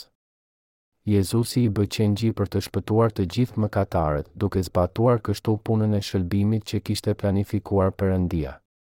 Jezusi na tregoi se Gjon Pagëzori ishte profeti i fundit, prifti i lartë i fundit, i cili i kaloi të gjitha mëkatet e botës tek ai. Pse nuk mund ta bënte Jezusi vetë këtë? Pse pati nevojë ai për Gjon Pagëzorin? Pati një arsye që Gjon Pagëzori erdhi gjashtë muaj para Jezusit. Kjo u bë për të përmbushur dhjatën e vjetër, për ta përsosur dhjatën e vjetër. Jezusi lindi nga Virgjëresha Maria dhe Gjon Pagëzori lindi nga një grua e shtyrë në moshë që quhej Elizabeta. Këto ishin punët e Perëndisë dhe ai i planifikoi ato për të shpëtuar të gjithë mëkatarët. për të na shpëtuar nga lufta e përjetshme kundër mëkatit dhe nga të gjitha vuajtjet e njerëzimit mëkatar, ai dërgoi shërbëtorin e tij Gjon dhe pastaj birin e tij të vetëm, Jezusin. Gjon pagëzori u dërgua si përfaqësuesi i të gjithë njerëzimit, prifti i lartë i fundit. Njeriu më i madh i lindur nga gruaja. Kush është njeriu më i madh në tokë? Gjon pagëzori. Le të shikojmë tek Mateu njëmbëdhjetë, shtatë, katërmbëdhjetë, Kur ata u larguan, Jezusi filloi t'i fliste turmës për Gjonin, Çfarë dolët për të parë në shkretëtirë? Një kallam që tundet nga era? Pra, çfarë dolët për të parë? Një njeri të veshur me petka të buta? Sigurisht që jo, ata që mbajnë rroba të buta, rrinë në pallatet e mbretërve. Pra, çfarë dolët për të parë? Një profet? Po, po ju them, madje shumë më tepër se një profet. Sepse ky është ai për të cilin është shkruar, Ja, po dërgoj lajmëtarin tim para teje, që do të përgatisë udhën tënde para teje. Me të vërtetë po ju them, midis atyre që kanë lindur prej gruaje, nuk ka dalë ndonjë më i madh se Gjon Pagëzori, por më i vogli në mbretërinë e qiejve është më i madh se ai. Që nga ditët e Gjon Pagëzorit deri tani mbi mbretërinë e qiejve është ushtruar dhunë dhe përdhunuesit e zaptojnë. Sepse të gjithë profetët dhe ligji kanë profetizuar deri në ditët e Gjonit. Dhe nëse doni ta pranoni, ai është Elia, i cili duhej të vinte. Njerëzit shkuan në shkretëtirë të shihnin Gjon Pagëzorin që thërriti, Pendohuni, pjella nepërkash. Dhe Jezusi tha, Pra, çfarë dolët për të parë? Një njeri të veshur me petka të buta? Sigurisht, ata që mbajnë rroba të buta, rrinë në pallatet e mbretërve. Jezusi vetë dëshmoi për madhështinë e Gjonit. Pra, çfarë dolët për të parë? Një barbar që vishet me lesh deveje dhe bërtet me sa ka fuqi? Ai duhet të ketë veshur leshin e një deveje. Pra, çfarë dolët për të parë? Një njeri të veshur me petka të buta? Ata që mbajnë rroba të buta, rrinë në pallatet e mbretërve. Por ai është më i madh se mbreti, dëshmoi Jezusi. Sigurisht që ata që mbajnë rroba të buta, rrinë në pallatet e mbretërve. Pra, çfarë dolët për të parë? Një profet? Po, po ju them, madje shumë më tepër se një profet. Në ditët e hershme, profetët ishin më të mëdhenj se mbretërit. Gjon Pagëzori ishte më shumë se një mbret dhe më shumë se një profet. Ai ishte më shumë se të gjithë profetët e Dhjatës së Vjetër. Në fakt, Gjoni, prifti i lartë i fundit dhe përfaqësuesi i njerëzimit, ishte më shumë se Aroni, prifti i lartë i parë. Jezusi vetë e dëshmoi këtë tek Gjoni. Kush është përfaqësuesi i njerëzimit? Përveç Krishtit vetë, kush është njeriu më i madh i botës? Gjon Pagëzori. Po, po ju them, madje shumë më tepër se një profet. Ja, po dërgoj lajmëtarin tim para teje, që do të përgatisë udhën tënde. Gjon Pagëzori dëshmoi se lufta kundër mëkatit kishte përfunduar. Ja, qengji i Perëndisë që heq mëkatin e botës. Ishte Gjon Pagëzori që dëshmoi se Jezusi hoqi mëkatet e botës. Tek Mateu njëmbëdhjetë, njëmbëdhjetë, Me të vërtetë po ju them, midis atyre që kanë lindur prej grave, nuk ka dalë ndonjë më i madh se Gjon Pagëzori. A ka dalë ndonjë më i madh se Gjon Pagëzori ndërmjet atyre që kanë lindur prej grave? Ç'do të thotë lindur prej grave? Do të thotë i gjithë njerëzimi. Përveç Adamit, të gjithë njerëzit kanë lindur prej grave. Po, ndërmjet atyre që kanë lindur prej grave, asnjë nuk ka dalë më i madh se Gjon Pagëzori. Prandaj ai është prifti i lartë i fundit dhe përfaqësuesi i njerëzimit. Gjon Pagëzori ishte prifti i lartë, profeti dhe përfaqësuesi ynë. Në Dhjatën e Vjetër, Aroni dhe bijtë e tij ishin shuguruar nga Perëndia për të shërbyer në përjetësi. Të gjitha mëkatet duhej që të hiqeshin nëpërmjet Aaronit dhe bijve të tij. U bë ashtu siç urdhëroi Perëndia. Në qoftë se dikush tjetër nga levitët do të vinte dhe do të guxonte t'i zinte vendin, patjetër që ai do të vdiste. E gjitha që ata mund të bënin ishte që të mblidhnin dru për zjarrin në altar, t'ia hiqnin lëkurën kafshëve, të pastronin të brendshmet dhe të hiqnin dhjamin. Madje edhe po të ishin bërë hamendje për t'u përpjekur për të bërë punën e priftërinjve, ata do të kishin vdekur në vend. Ky është ligji i Perëndisë. Ata nuk mund ta kalonin atë cak. Në botë, nuk ka dalë asnjë më i madh se Gjon Pagëzori. Ai ishte më i madhi midis të vdekshmëve. Që nga ditët e Gjon Pagëzorit deri tani mbi mbretërinë e qiejve është ushtruar dhunë dhe përdhunuesit e zaptojnë. Shëlbimi i njerëzimit u përmbush kur Gjon Pagëzori pagëzoi Jezusin dhe ata që besojnë në Jezus mund të hyjnë në mbretërinë e qiellit. Ata bëhen të drejtë. Le të shikojmë se si ati i Gjonit dëshmoi rreth birit të tij. Dëshmia e Zakarias, atit të Gjonit. Çfarë profetizoi Zakaria rreth birit të tij? Gjoni do të përgatisë udhën e Zotit duke u dhënë njohuri për shpëtim njerëzve të tij. Le të lexojmë Lukën një, gjashtëdhjetë e shtatë, tetëdhjetë, I ati, Zakaria, u mbush me Frymën e Shenjtë dhe profetizoi, duke thënë, I bekuar qoftë Zoti, Perëndia i Izraelit, sepse erdhi të shohë popullin e vet dhe i dha shpengimin. Ai ngriti për ne një shpëtimtar të fuqishëm në shtëpi të Davidit, shërbëtorit të vet, siç foli që moti me gojën e profetëve të vet të shenjtë, se do të na shpëtojë prej armiqve tanë dhe nga dora e të gjithë atyre që na urrejnë, për të shfaqur mëshirë ndaj etërve tanë e për të kujtuar besëlidhjen e tij të shenjtë, betimin që ai bëri para Abrahamit, atit tonë, se do të na lejojë, pasi të çlirohemi nga dora e armikut, t'i shërbejmë atij pa frikë, Shenjtërisht dhe me drejtësi në prani të tij gjatë gjithë ditëve tona. Edhe ti, o fëmija im, do të quhesh profet i Më të Lartit, sepse ti do t'i paraprish Zotit për të përgatitur udhët e Tij, për t'i bërë të ditur popullit të Tij shpëtimin nëpërmjet faljes së mëkateve të tyre, falë mëshirës së thellë të Perëndisë sonë, nëpërmjet së cilës do të na vijë nga lart lindja e diellit, për t'u dhënë dritë atyre që qëndrojnë në errësirë dhe në hijen e vdekjes, për t'i drejtuar këmbët tona nga rruga e paqes. Dhe fëmija rritej e forcohej në frymë, dhe qëndroi në shkretëtirë deri në ditën kur iu shfaq hapur Izraelit. Zakaria profetizoi dy gjëra. Ai profetizoi se do të vinte Mbreti i të gjithë njerëzve. Nga vargu gjashtëdhjetë e tetë tek ai shtatëdhjetë e tre, ai profetizoi me gëzim që Perëndia nuk i kishte harruar premtimet e tij dhe që Jezusi, ashtu si Perëndia i premtoi Abrahamit, lindi nga Virgjëresha Maria, në mënyrë që të shpëtonte pasardhësit e tij nga duart e armiqve të tyre. Dhe nga vargu shtatëdhjetë e katër, kemi premtimin se do të na lejojë, pasi të çlirohemi nga dora e armikut, t'i shërbejmë atij pa frikë. Kjo është për të na kujtuar premtimin e Perëndisë së Abrahamit dhe të njerëzve të Izraelit dhe ai profetizoi se do të na lejojë t'i shërbejmë atij pa frikë.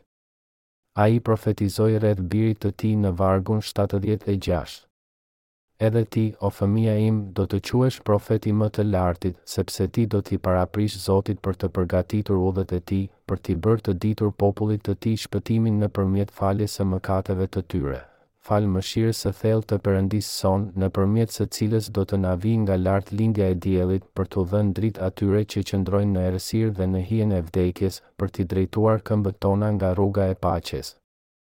Këtu ai tha, Për t'i bërë të ditur popullit të tij shpëtimin nëpërmjet faljes së mëkateve të tyre. Nëpërmjet kujt tha ai do të jepej njohuria rreth shpëtimit? Gjon Pagëzorit. A mundet që ju të gjithë ta shikoni këtë? Gjon Pagëzori nëpërmjet fjalëve të Perëndisë do të na jepte njohurinë se Jezusi është Biri i Perëndisë që hoqi mëkatet e botës. Tani le të shikojmë tek Marku një, fillimi i Ungjillit të Jezus Krishtit, Birit të Perëndisë. Siç është shkruar qartë te profetët, Ja, po dërgoj lajmëtarin tim para teje, që do të përgatisë udhën tënde. Zëri i atij që thërret në shkretëtirë, Përgatisni udhën e Zotit, të drejta bëjini shtigjet e tij. Gjon pagëzori erdhi në shkretëtirë duke predikuar pagëzimin e pendesës për faljen e mëkateve. Gjithë treva e Judesë dhe Jeruzalemasit dolën dhe shkuan tek ai, të gjithë, duke rrëfyer mëkatet e veta, pagëzoheshin prej tij në lumin Jordan, Marku një, një, pesë. Njerëzit e ndërprenë adhurimin e idhujve të jo-hebrenjve dhe u pagëzuan nga Gjon Pagëzori. Por Gjoni dëshmoi, Unë ju pagëzoj me ujë që të mund të ktheheni tek Perëndia. Por Biri i Perëndisë do të vijë dhe të pagëzohet prej meje në mënyrë që të gjitha mëkatet tuaja të kalohen tek Ai. Dhe nëse besoni kur unë t'ju pagëzoj, të gjitha mëkatet tuaja do t'i kalohen atij, ashtu siç kaloheshin mëkatet nëpërmjet vendosjes së duarve në dhjatën e vjetër. Kjo është ajo që dëshmoi Gjoni. Fakti që Jezusi u pagëzua në Jordan do të thotë që ai u pagëzua në lumin e vdekjes.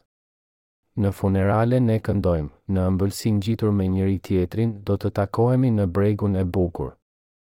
Ne do të takohemi në atë breg të bukur. Kur të vdesim, ne do të kapërcejmë lumin Jordan. Lumi Jordan është lumi i vdekjes. Jezusi u pagëzua në lumin e vdekjes. Pagëzimi që i kalon mëkatet tona. Çfarë është vendosja e duarve në dhjatën e re? Pagëzimi i Jezusit. Tek Mateu tre, trembëdhjetë, shtatëmbëdhjetë lexojmë, Pastaj Jezusi shkoi nga Galileja në Jordan te Gjoni, që të pagëzohej prej tij. Por Gjoni u përpoq ta ndalonte, duke thënë, Unë kam nevojë të pagëzohem prej teje, kurse ti vjen tek unë? Por Jezusi iu përgjigj dhe i tha, Lejoje tani, sepse kështu na duhet të veprojmë që të përmbushet çdo drejtësi. Atëherë Gjoni e pranoi. Jezusi, me t'u pagëzuar, u ngrit menjëherë nga uji dhe ja, qiejt u hapën dhe ai pa frymën e Perëndisë duke zbritur si një pëllumb, që erdhi e qëndroi mbi të. Dhe ja, erdhi një zë nga qielli që thoshte, Ky është Biri im i dashur, tek i cili gjej kënaqësi. Jezusi erdhi në Jordan dhe u pagëzua nga Gjon Pagëzori. Më pagëzo. Unë kam nevojë të pagëzohem prej teje, kurse ti vjen tek unë? Priftërinjtë e lartë të qiellit dhe të tokës u takuan së bashku. Sipas Hebrenjve, Jezus Krishti është Prifti i Lartë përgjithmonë mbas urdhërit të Melkizedekut. Ai është pa gjenealogji. Ai nuk është as pasardhës i Aaronit dhe as i ndonjë njeriu në tokë. Ai është Biri i Perëndisë, Krijuesi ynë. Ai është ai që është. Prandaj ai nuk ka gjenealogji. Ai e hodhi lavdinë e qiellit dhe erdhi poshtë në tokë që të shpëtonte njerëzit e tij. Arsyeja që ai zbriti në këtë botë ishte që të shpëtonte të gjithë mëkatarët që vuajtën nga mashtrimi i Satanit. Për më tepër, ai ia hoqi të gjitha mëkatet botës duke u pagëzuar nga Gjon Pagëzori. Por Jezusi iu përgjigj dhe i tha, Lejoje atë të bëhet tani, sepse kështu na duhet të veprojmë që të përmbushet çdo drejtësi. Atëherë Gjoni e pranoi. Lejoje atë të bëhet tani. Lejoje. Jezusi e urdhëroi përfaqësuesin e të gjithë njerëzimit dhe e përuli kokën. Në Dhjatën e Vjetër, kur i ofroheshe një flijim Perëndisë, ose mëkatari ose prifti i lartë vinte duart në kokën e flijimit dhe i kalonte mëkatet aty. Vënia e duarve do të thotë të kalosh te. Jezusi u pagëzua nga Gjon Pagëzori. Kjo kishte të njëjtin kuptim si vënia e duarve në dhjatën e vjetër. Të kalosh tek, të varrosesh, të lahesh dhe të flijosh janë gjithashtu të njëjta. Dhjata e re është realiteti ndërsa dhjata e vjetër është hija e saj. Kur një mëkatar vinte duart mbi një qengj në dhjatën e vjetër, mëkati i tij i kaloheshe qengjit dhe qengji ngordhte. pasi ngordhte qengji, varroseshe. Mëkati i atij që vinte duart mbi qengj kaloheshe tek qengji, kështu që qengji ngordhte me mëkatin. Pasi mëkati kaloheshe tek qengji, a mbetej pa mëkat ai që e solli qengjin? Le të marrim një shembull sikur shamia është mëkati dhe mikrofoni është qengji. Kur unë vendos duart mbi mikrofon, mëkati kalohet tek mikrofoni, pra te qengji. Vetë Perëndia vendosi që të ishte kështu. Vendos duart. Prandaj, në mënyrë që dikush të shëlbehet nga mëkatet, ai duhet të vendosë duart. Mbas kësaj, ai është pa mëkat. Pagëzimi i Jezusit është për larjen, varrosjen dhe kalimin e mëkateve tek Ai. Ky është kuptimi eksakt i tij. Çfarë do të thotë të përmbushësh çdo drejtësi? do të thotë të lash të gjitha mëkatet duke i kaluar ato tek Jezusi. Në këtë mënyrë, a kaluan me të vërtetë të gjitha mëkatet tek Jezusi, kur ai u pagëzua që të hiqte të gjitha mëkatet e botës? Të gjitha mëkatet e botës u kaluan tek Jezusi dhe të gjithë njerëzit u shëlbyen. Kjo kishte të njëjtin kuptim si vënia e duarve në dhjatën e vjetër. Jezusi erdhi në këtë botë dhe në Jordan, ai tha, Lejoje tani, sepse kështu na duhet të veprojmë që të përmbushet çdo drejtësi, Mateu tre, pesëmbëdhjetë. Pastaj ai e lejoi veten të pagëzoheshe. Jezusi i tha Gjonit se kështu duhej të vepronin që të përmbushej çdo drejtësi me anë të pagëzimit të tij.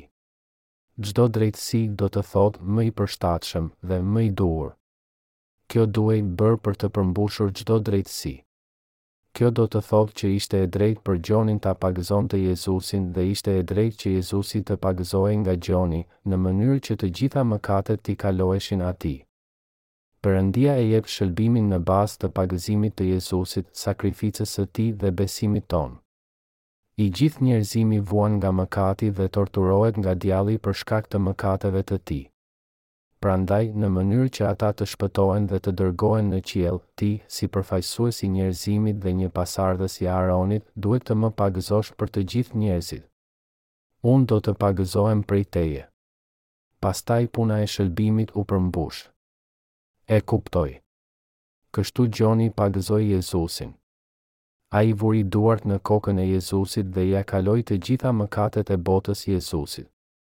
Jezusi ishte Shpëtimtari që lau të gjitha mëkatet tona. Ne kemi shpëtuar duke besuar në shëlbimin e Tij. A besoni? Mbas pagëzimit të Tij, punës së parë të Jezusit në shërbesën e Tij publike në Jordan nëpërmjet duarve të Përfaqësuesit të të gjithë njerëzimit, Ai udhëtoi ndërsa predikonte Ungjillin për tre vjet e gjysmë me të gjitha mëkatet e botës në kokën e Tij. Ai i tha gruas që u kap duke kryer shkelje kurore, As unë nuk po të dënoj. Ai nuk mund ta dënonte atë sepse ai kishte marrë të gjitha mëkatet e saj mbi vete dhe ishte gati të vdiste në kryq për to ndërsa po lutej në një vend të quajtur Gjetsemani, ai u lut tri herë duke iu lutur Atit t'ia hiqte kupën prej tij. Por shpejt ai hoqi dorë dhe tha, Jo vullneti im, por yti u bëftë. Vini re. Qengji i Perëndisë që hoqi mëkatet e botës. Sa mëkat hoqi Jezusi? Të gjitha mëkatet e botës. Tek Gjoni një, njëzet e nëntë kemi, Të nesërmen ai pa Jezusin duke ardhur drejt tij dhe tha, Vini re! Qengji i Perëndisë që heq mëkatin e botës. Gjon pagëzori i pagëzoi Jezusin. Ditën tjetër Jezusi erdhi drejt tij dhe ai u tha njerëzve, Vini re, qengji i Perëndisë që heq mëkatin e botës. Kjo ishte dëshmia e tij. Biri i Perëndisë erdhi në këtë botë dhe hoqi të gjitha mëkatet e botës. Gjon Pagëzori dëshmoi përsëri. Tek Gjoni një, tridhjetë e pesë, tridhjetë e gjashtë, Gjoni qëndroi edhe të nesërmen bashkë me dy prej dishepujve të tij. Duke vështruar Jezusin tek po shkonte, ai tha, Ja qengji i Perëndisë! Qengji i Perëndisë do të thotë që ai është ekzistenca e vërtetë dhe reale e flijimit të dhjatës së vjetër, flijim që ngordhte për mëkatet e Izraelit. Për ty dhe për mua, Biri i Perëndisë, Krijuesi ynë erdhi në këtë botë dhe hoqi të gjitha mëkatet tona, të gjitha mëkatet që nga krijimi i botës deri në ditën që asaj i vjen fundi, që nga mëkati origjinal tek të gjitha ligësitë tona, që nga të metat tona deri tek fajet tona. Ai na shëlbeu të gjithëve me pagëzimin e tij dhe gjakun e tij në kryq. Jezusi na i hoqi të gjitha mëkatet tona dhe na dha shëlbim. A e kuptoni këtë? Qengji i Perëndisë që heq mëkatin e botës. Jemi rreth vitit dy mijë. Kjo do të thotë që kanë kaluar rreth dy mijë vjet që kur ai zbriti në këtë botë. Dhe rreth vitit tridhjetë, mbas vdekjes, Jezusi mori mbi vete të gjitha mëkatet e botës. Viti një, mbas vdekjes, është viti kur u lind Jezusi. Kohën para ardhjes së Krishtit ne e quajmë para Krishtit. Prandaj, rreth dy mijë vjet kanë kaluar që kur Jezusi erdhi në këtë botë. Rreth vitit tridhjetë mbas vdekjes, Jezusi u pagëzua nga Gjon Pagëzori. Dhe ditën tjetër Gjoni u tha njerëzve, Ja, qengji i Perëndisë që heq mëkatin e botës. Vini re! Ai po u thoshte njerëzve që të besonin tek Jezusi që ua hoqi të gjitha mëkatet e tyre. Ai po dëshmonte se Jezusi ishte qengji i Perëndisë, ai që na shpëtoi të gjithëve nga mëkatet tona. Jezusi na i hoqi të gjitha mëkatet tona dhe i dha fund luftës sonë të përjetshme kundër mëkatit. Tani ne jemi pa mëkat meqënëse Biri i Perëndisë i hoqi mëkatet tona. Gjon pagëzori dëshmoi se ai i hoqi të gjitha mëkatet tona, mëkate e tua dhe të mia. Ky erdhi për dëshmim, për të dëshmuar për dritën, që të gjithë të mund të besonin nëpërmjet tij, Gjoni një, shtatë. Pa dëshminë e Gjonit, si mund ta dinim ne që Jezusi i hoqi të gjitha mëkatet tona? Shpesh Bibla na tregon se Ai vdiq për ne, por vetëm Gjon Pagëzori na dëshmon se Ai i hoqi të gjitha mëkatet tona. Sa i madh është mëkati i botës? Te mëkati i botës futen të gjitha mëkatet e qenieve njerëzore që nga fillimi deri në fund të botës. Shumë dëshmuan mbas vdekjes së Jezusit, por vetëm Gjoni dëshmoi ndërsa ai ishte gjallë. Natyrisht, edhe dishepujt e Jezusit dëshmuan për shëlbimin e Jezusit. Ata dëshmuan se Jezusi i hoqi mëkatet tona, se ai është Shpëtimtari ynë. Jezusi hoqi mëkatet e botës. Tani, ti akoma nuk i ke mbushur njëqind vjet, a është e vërtetë? Jezusi hoqi mëkatin e botës kur ai ishte tridhjetë vjeç. Le ta zemë se ishte rreth vitit katër mijë para se të vinte Jezusi. Kanë kaluar rreth dy mijë vjet që nga Jezusi. Ne nuk e kemi të sigurt se kur do të ndodhë, por fundi do të vijë me siguri. Ai thotë, Unë jam Alfa dhe Omega, i pari dhe i fundit, fillimi dhe fundi, Zbulesa njëzet e dy, trembëdhjetë. Kështu që patjetër do të ketë një mbarim. Tani ne kemi arritur në atë pikë që shënohet nga viti dy mijë e një. Krishti i hoqi mëkatet tona në vitin tridhjetë mbas vdekjes dhe kjo ndodhi tre vjet para se ai të vdiste në kryq. Qengji i Perëndisë që heq mëkatin e botës. Ai hoqi mëkatin e botës, mëkatet e tua dhe të mia. Kemi ardhur kaq larg që nga lindja e Jezusit. rreth dy mijë vjet. Ne tani po jetojmë jetët tona rreth dy mijë vjet mbasi Jezusi hoqi mëkatet tona. Dhe ne akoma jetojmë dhe mëkatojmë edhe në këtë ditë dhe këtë moshë. Jezusi është Qengji i Perëndisë që hoqi mëkatin e botës. Ne fillojmë të jetojmë në këtë botë që nga momenti që kemi lindur. A mëkatojmë ne të gjithë që nga momenti që kemi lindur apo jo? Po, mëkatojmë. Le ta shikojmë hollësisht të gjithë këtë gjë. A mëkatojmë ne që nga dita që kemi lindur deri sa mbushim dhjetë vjeç, apo jo? Po, mëkatojmë. Atëherë, këto mëkate kanë tek Jezusi apo jo? Po. Meqenëse të gjitha mëkatet iu kaluan Jezusit, ai është Shpëtimtari ynë. Në qoftë se jo, si mund të ishte ai Shpëtimtari ynë? Të gjitha mëkatet iu kaluan Jezusit. A mëkatojmë ne që nga mosha njëmbëdhjetë deri sa mbushim njëzet, apo jo? Ne mëkatojmë në zemrat tona, në veprimet tona. Dhe ne e bëjmë këtë gjë shumë mirë. Ne na kanë mësuar të mos mëkatojmë, megjithatë, mëkatojmë shumë shpejt. Dhe Perëndia na tregon se ato mëkate u kaluan tek Jezusi. Ai e dinte se çfarë jemi, prandaj ai hoqi ato mëkate më përpara. Sa gjatë jetojmë zakonisht në këtë botë? Le të themi se jetojmë rreth shtatëdhjetë vjeç. Në qoftë se do t'i shtonim mbi njëri-tjetrin të gjitha mëkatet që kryejmë gjatë këtyre shtatëdhjetë viteve, sa e rëndë do të jetë ajo barrë? Nëse do ta ngarkonim këtë barrë në kamionë që secili mban tetë ton peshë, ndoshta do të na duheshin shumë më tepër se njëqind kamionë. Vetëm përpiqu ta imagjinosh se sa shumë mëkat kryejmë gjatë gjithë jetës sonë. A janë ato mëkatet e botës apo jo? Ato janë të gjitha mëkatet e botës. Ne mëkatojmë midis moshës njëzet dhe tridhjetë vjeç dhe ato janë gjithashtu mëkatet e botës. Shpëtimtari i njeriut, Jezus Krishti. Sa mëkat hoqi Jezusi? Të gjitha mëkatet e paraardhësve tanë, tonat dhe të pasardhësve tanë deri në fund të botës.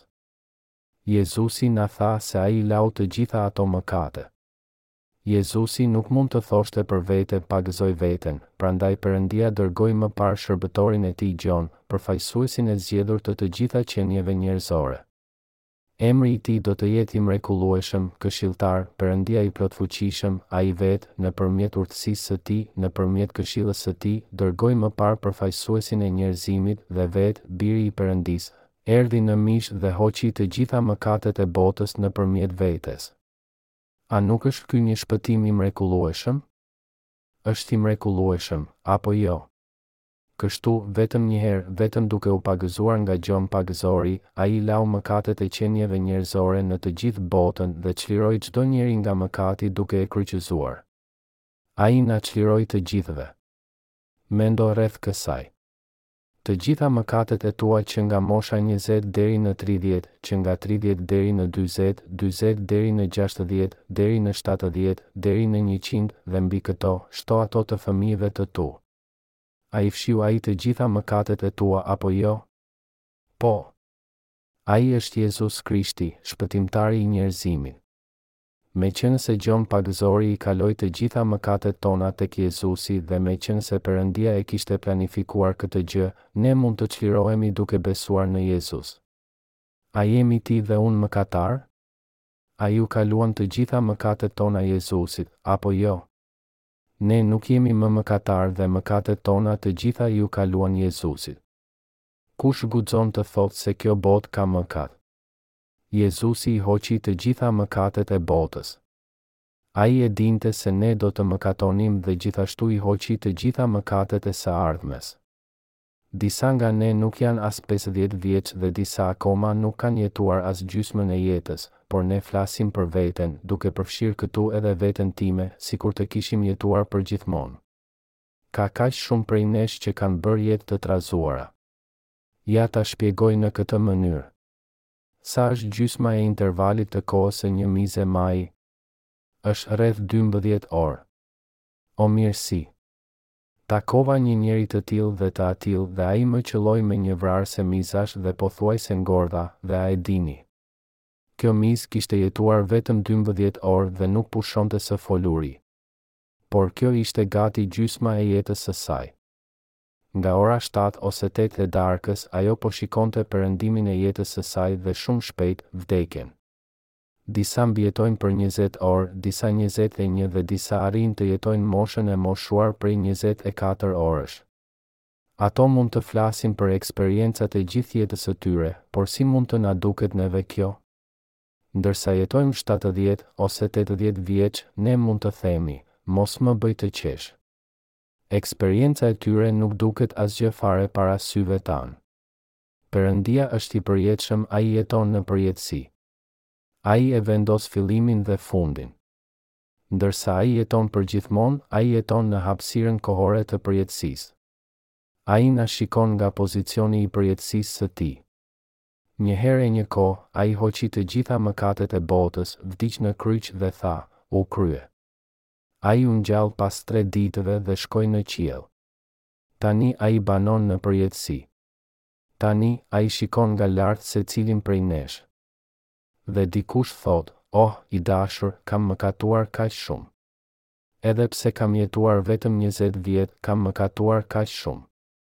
Unë kam jetuar tridhjetë vjet dhe kam mëkatuar së tepërmi. Është jashtëzakonisht shumë. E si mund të falem ndonjëherë?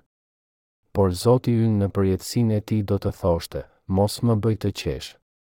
Unë, jo vetëm që i kam shëlbyer mëkatet e tua deri tani, por gjithashtu edhe mëkatet e paraardhësve të tu para se të lindeshe dhe mëkatet e të gjithë brezave të pasardhësve të tu që do të jetojnë mbas vdekjes tënde. Ai ta thotë këtë nga hapësira kohore e përjetshme. A e besoni këtë? Besoje. Dhe merre dhuratën e shpëtimit që të është dhënë falas. Dhe hyr në mbretërinë e qiellit. Mos besoni mendimet tona, por fjalët e Perëndisë. Kështu duhet të veprojmë që të përmbushet çdo drejtësi. E gjithë drejtësia tashmë ishte përmbushur nga qengji i Perëndisë që hoqi mëkatin e botës. Jezusi hoqi të gjitha mëkatet e botës. A i hoqi ai apo jo? Po i hoqi. Çfarë tha Jezusi në në fund tek kryqi? U krye.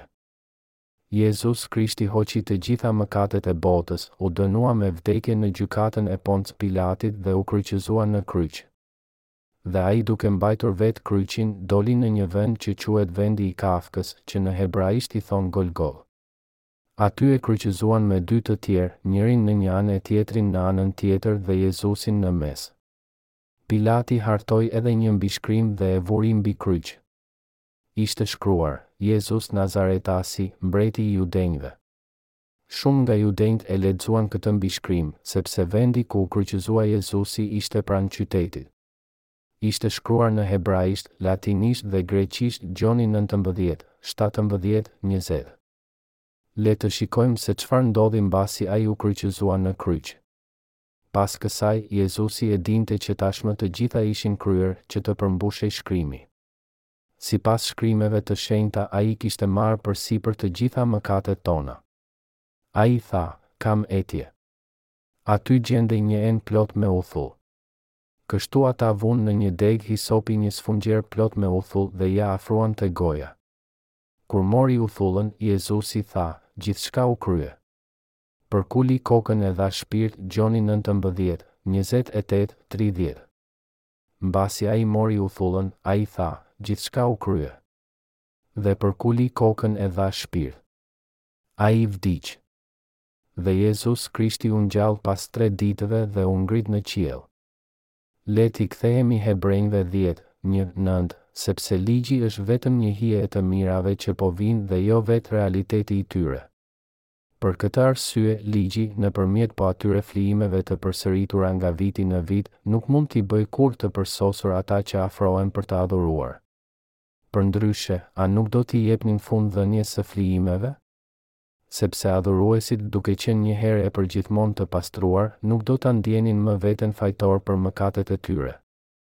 Por këto flijime u kujtojnë mëkatet nga viti në vit. sepse është e pamundur që gjaku i demave dhe i cjepve të heqë mëkatet. Prandaj, kur erdhi në botë, ai tha, Flijim dhe dhuratë ti nuk ke dashur, por një trup më ke përgatitur. Me flijime të djegura dhe ofrime për mëkatet ti nuk u kënaqe. Pastaj thashë, Ja, kam ardhur, në rrotullën e librit është shkruar për mua, të bëhet vullneti yt, o Perëndi. Më parë tha, Flijimet dhe ofrimet, flijimet e djegura dhe flijimet për mëkatet ti nuk i ke dashur, as nuk u kënaqe, të cilat ofrohen sipas ligji. Pastaj ai tha, Ja, kam ardhur të bëhet vullneti yt. Ai heq të parën, që të vendosë të dytën. Shëlbimi i përjetshëm. Si mund ta zgjidhim problemin e mëkatit ditor mbasi kemi besuar në Jezus? duke konfirmuar që Jezusi tashmë ka fshirë të gjithë mëkatin tonë nëpërmjet pagëzimit të tij. Ligji ishte hija e gjërave të mira që do të vinin. Flijimi i Dhiatës së vjetër, i deleve dhe cjepve, zbuloi se Jezus Krishti do të vinte dhe do të hiqte mëkatet tona në të njëjtën rrugë, në mënyrë që të fshinte të gjithë mëkatin. Të gjithë njerëzit e Dhiatës së Vjetër, Davidi, Abrahami dhe të gjithë të tjerët e dinin dhe besonin se çfarë kuptimi kishte për ta sistemi i flijimit. Ai zbuloi se Mesia, Krishti, Krisht do të thotë Shpëtimtar, do të vinte një ditë dhe do të lante të gjitha mëkatet e tyre. Ata besuan në shëlbimin e tyre dhe u shpëtuan nga besimi i tyre. Ligji ishte hija e gjërave të mira që do të vinin. Ofrimi i flijimeve për mëkatet e tyre ditë për ditë, vit për vit, asnjëherë nuk do të na shëlbente plotësisht. Prandaj, qenia komplete dhe e përjetshme, ai pa të meta, Biri i Perëndisë duhej që të vinte në tokë. Dhe ai tha se ai duhej që të vinte për të bërë vullnetin e Atit të Tij ashtu siç është shkruar në librin e shkruar nga Ai. Dhe pastaj thashë, Ja, kam ardhur të bëhet vullneti Yt, o Perëndi. Ai heq të parën që të vendosë të dytën. Ne jemi shëlbyer për mëkatet tona, sepse Jezus Krishti i hoqi mëkatet tona ashtu siç është shkruar në Dhiatën e Vjetër dhe sepse ne besojmë në të. Le të lexojmë Hebrenjve dhjetë, dhjetë, Me këtë vullnet jemi shenjtëruar nëpërmjet flijimit të trupit të Jezus Krishtit një herë e përgjithmonë. Me këtë vullnet jemi shenjtëruar nëpërmjet flijimit të trupit të Jezus Krishtit një herë e përgjithmonë. A jemi shenjtëruar apo jo? Po, jemi shenjtëruar. Çfarë do të thotë kjo? Ati Perëndi dërgoi Birin e Tij dhe Ai kaloi Atij të gjitha mëkatet tona nëpërmjet pagëzimit dhe e gjykoi atë një herë e përgjithmonë për të gjithë në kryq. Në këtë mënyrë Ai na ka çliruar të gjithë ne që po vuanim nga mëkati. Ky ishte vullneti i Perëndisë. Në mënyrë që të na çlironte, Jezusi ofroi veten njëherë e përgjithmonë për të gjithë, në mënyrë që ne të shenjtërohemi. Ne jemi shenjtëruar. Jezusi flijoi veten për të gjitha mëkatet tona dhe ai vdiq në vendin tonë që ne të mos kemi nevojë të gjykohemi. Flijimi i dhjatës së vjetër ofroheshe çdo ditë sepse të gjitha mëkatet e reja kishin nevojë për një flijim tjetër në mënyrë që të laheshin. Tek Gjoni trembëdhjetë, është një histori e Jezusit duke larë këmbët e Pjetrit. Ai ia lau këmbët Pjetrit që t'i tregonte atij që Pjetri do të mëkatonte në të ardhmen dhe që gjithashtu t'i mësonte atij se ai i kishte shëlbyer tashmë të gjitha ato mëkate. Jezusi e dinte se Pjetri do të mëkatonte përsëri në të ardhmen, prandaj ai derdhi ujë në një legen dhe ia lau këmbët. Pjetri u përpoq të refuzonte, por Jezusi tha, Atë që bëj unë ti tani nuk e kupton, por do ta marrësh vesh më pas. Kjo do të thotë, ti do të mëkatosh prapë mbas kësaj. Ti do të më mohosh mua dhe do të mëkatosh përsëri mbasi të laj të gjitha mëkatet e tyre. do të mëkatosh edhe mbas ngritjes sime. Prandaj po të laj këmbët që të paralajmëroj Satanin të mos të të verë në provë, sepse tashmë i kam hequr mëkatet e tua të ardhshme. A mos mendoni që ai ia lau këmbët Pjetrit në mënyrë që të na tregonte se ne duhej të pendoheshim çdo ditë? Jo! Nëse duhej të pendoheshim çdo ditë për t'u shëlbyer, Jezusi nuk do t'i hiqte të gjitha mëkatet tona për të gjithë ne njëherë e përgjithmonë. Por Jezusi tha se Ai na shenjtëroi njëherë e përgjithmonë. Nëse do të na duhej të pendoheshim çdo ditë, atëherë më mirë të ktheheshim në kohën e Dhjatës së Vjetër. Atëherë, kush do të bëhej i drejtë? Kush do të shëlbehej plotësisht? Edhe sikur të besonim në Perëndi, kush do të jetonte pa mëkat? Kush do të bëhej i shenjtëruar nëpërmjet pendesës? Ne mëkatojmë pa pushim çdo ditë, prandaj si mund të kërkojmë të falur për çdo dhe secilin mëkat? Si mund të bëheshim kaq syfortë sa ta bezdisnim atë çdo ditë për shëlbim? Ne kemi tendencë t'i harrojmë mëkatet tona të mëngjesit në fund të ditës dhe mëkatet e mbrëmjes mëngjesin tjetër. është e pamundur për ne të pendohemi plotësisht për të gjitha mëkatet tona. Prandaj, Jezusi u pagëzua një herë, e ofroi veten në kryq një herë, në mënyrë që ne të shenjtërohemi të gjithë një herë e përgjithmonë. A mund ta kuptoni këtë? Ne jemi shëlbyer një herë e përgjithmonë për të gjitha mëkatet tona. Ne nuk shëlbehemi sa herë që pendohemi. A ka ndonjë mëkat tjetër për të cilin ne duhet të japim lutje për pendim? Jo. Ne kemi shpëtuar nga mëkatet tona duke besuar që Jezusi i hoqi të gjitha mëkatet tona, mëkatet e tua dhe mëkatet e mia, çdo prift qëndron përditë duke shërbyer dhe duke ofruar vazhdimisht po ato flijime, të cilat kurrë nuk mund të heqin mëkatet. Kurse ai, duke ofruar një flijim një herë e përgjithmonë për mëkatet, u ul në të djathtë të Perëndisë, dhe që prej asaj kohe pret derisa armiqtë e tij të bëhen stol për këmbët e tij. Sepse, me anë të një flijimi ai i ka bërë të përsosur përgjithmonë ata që janë shenjtëruar. Këtë na dëshmon edhe fryma e shenjtë.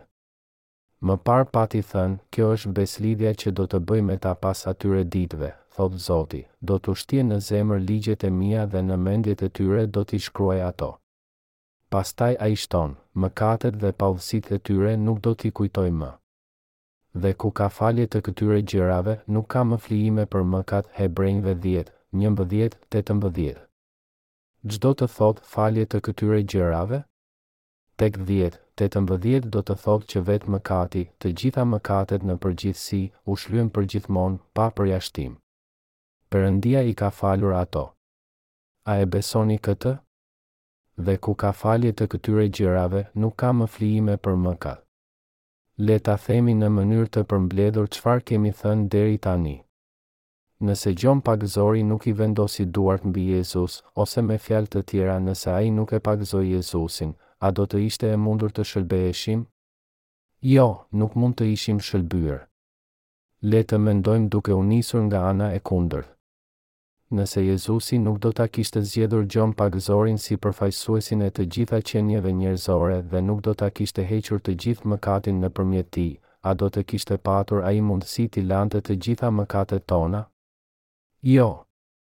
Ligji i Perëndisë është i drejtë. Është i drejtë.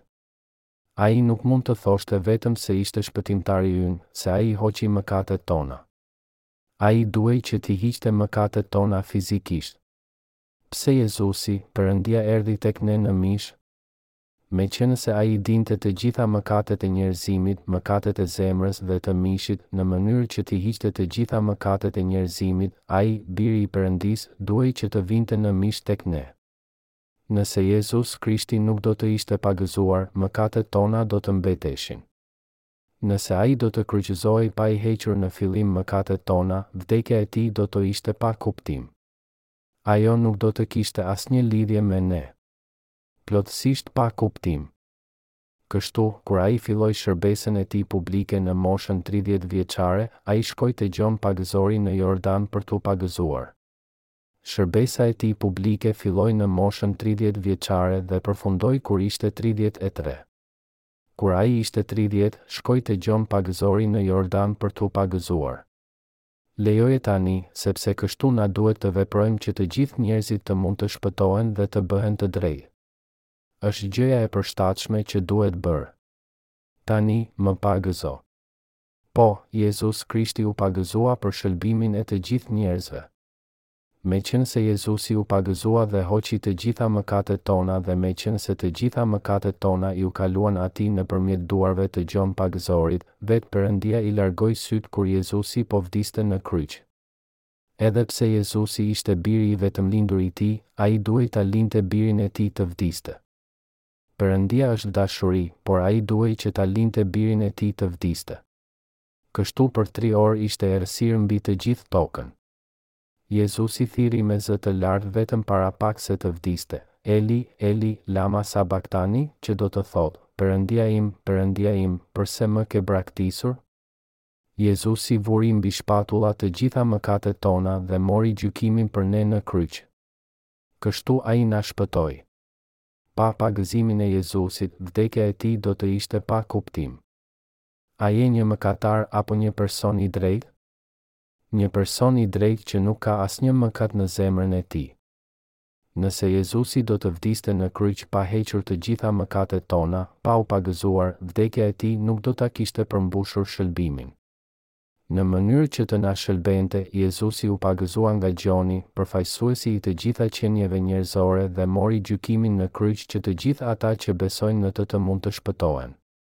Prandaj, që nga ditët e Gjon Pagëzorit deri tani, mbretëria e qiejve ka vuajtur dhunë.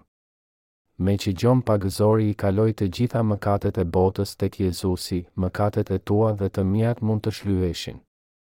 Prandaj ti dhe unë mund ta quajmë Perëndinë Atin tonë dhe të hyjmë me guxim në mbretërinë e qiellit.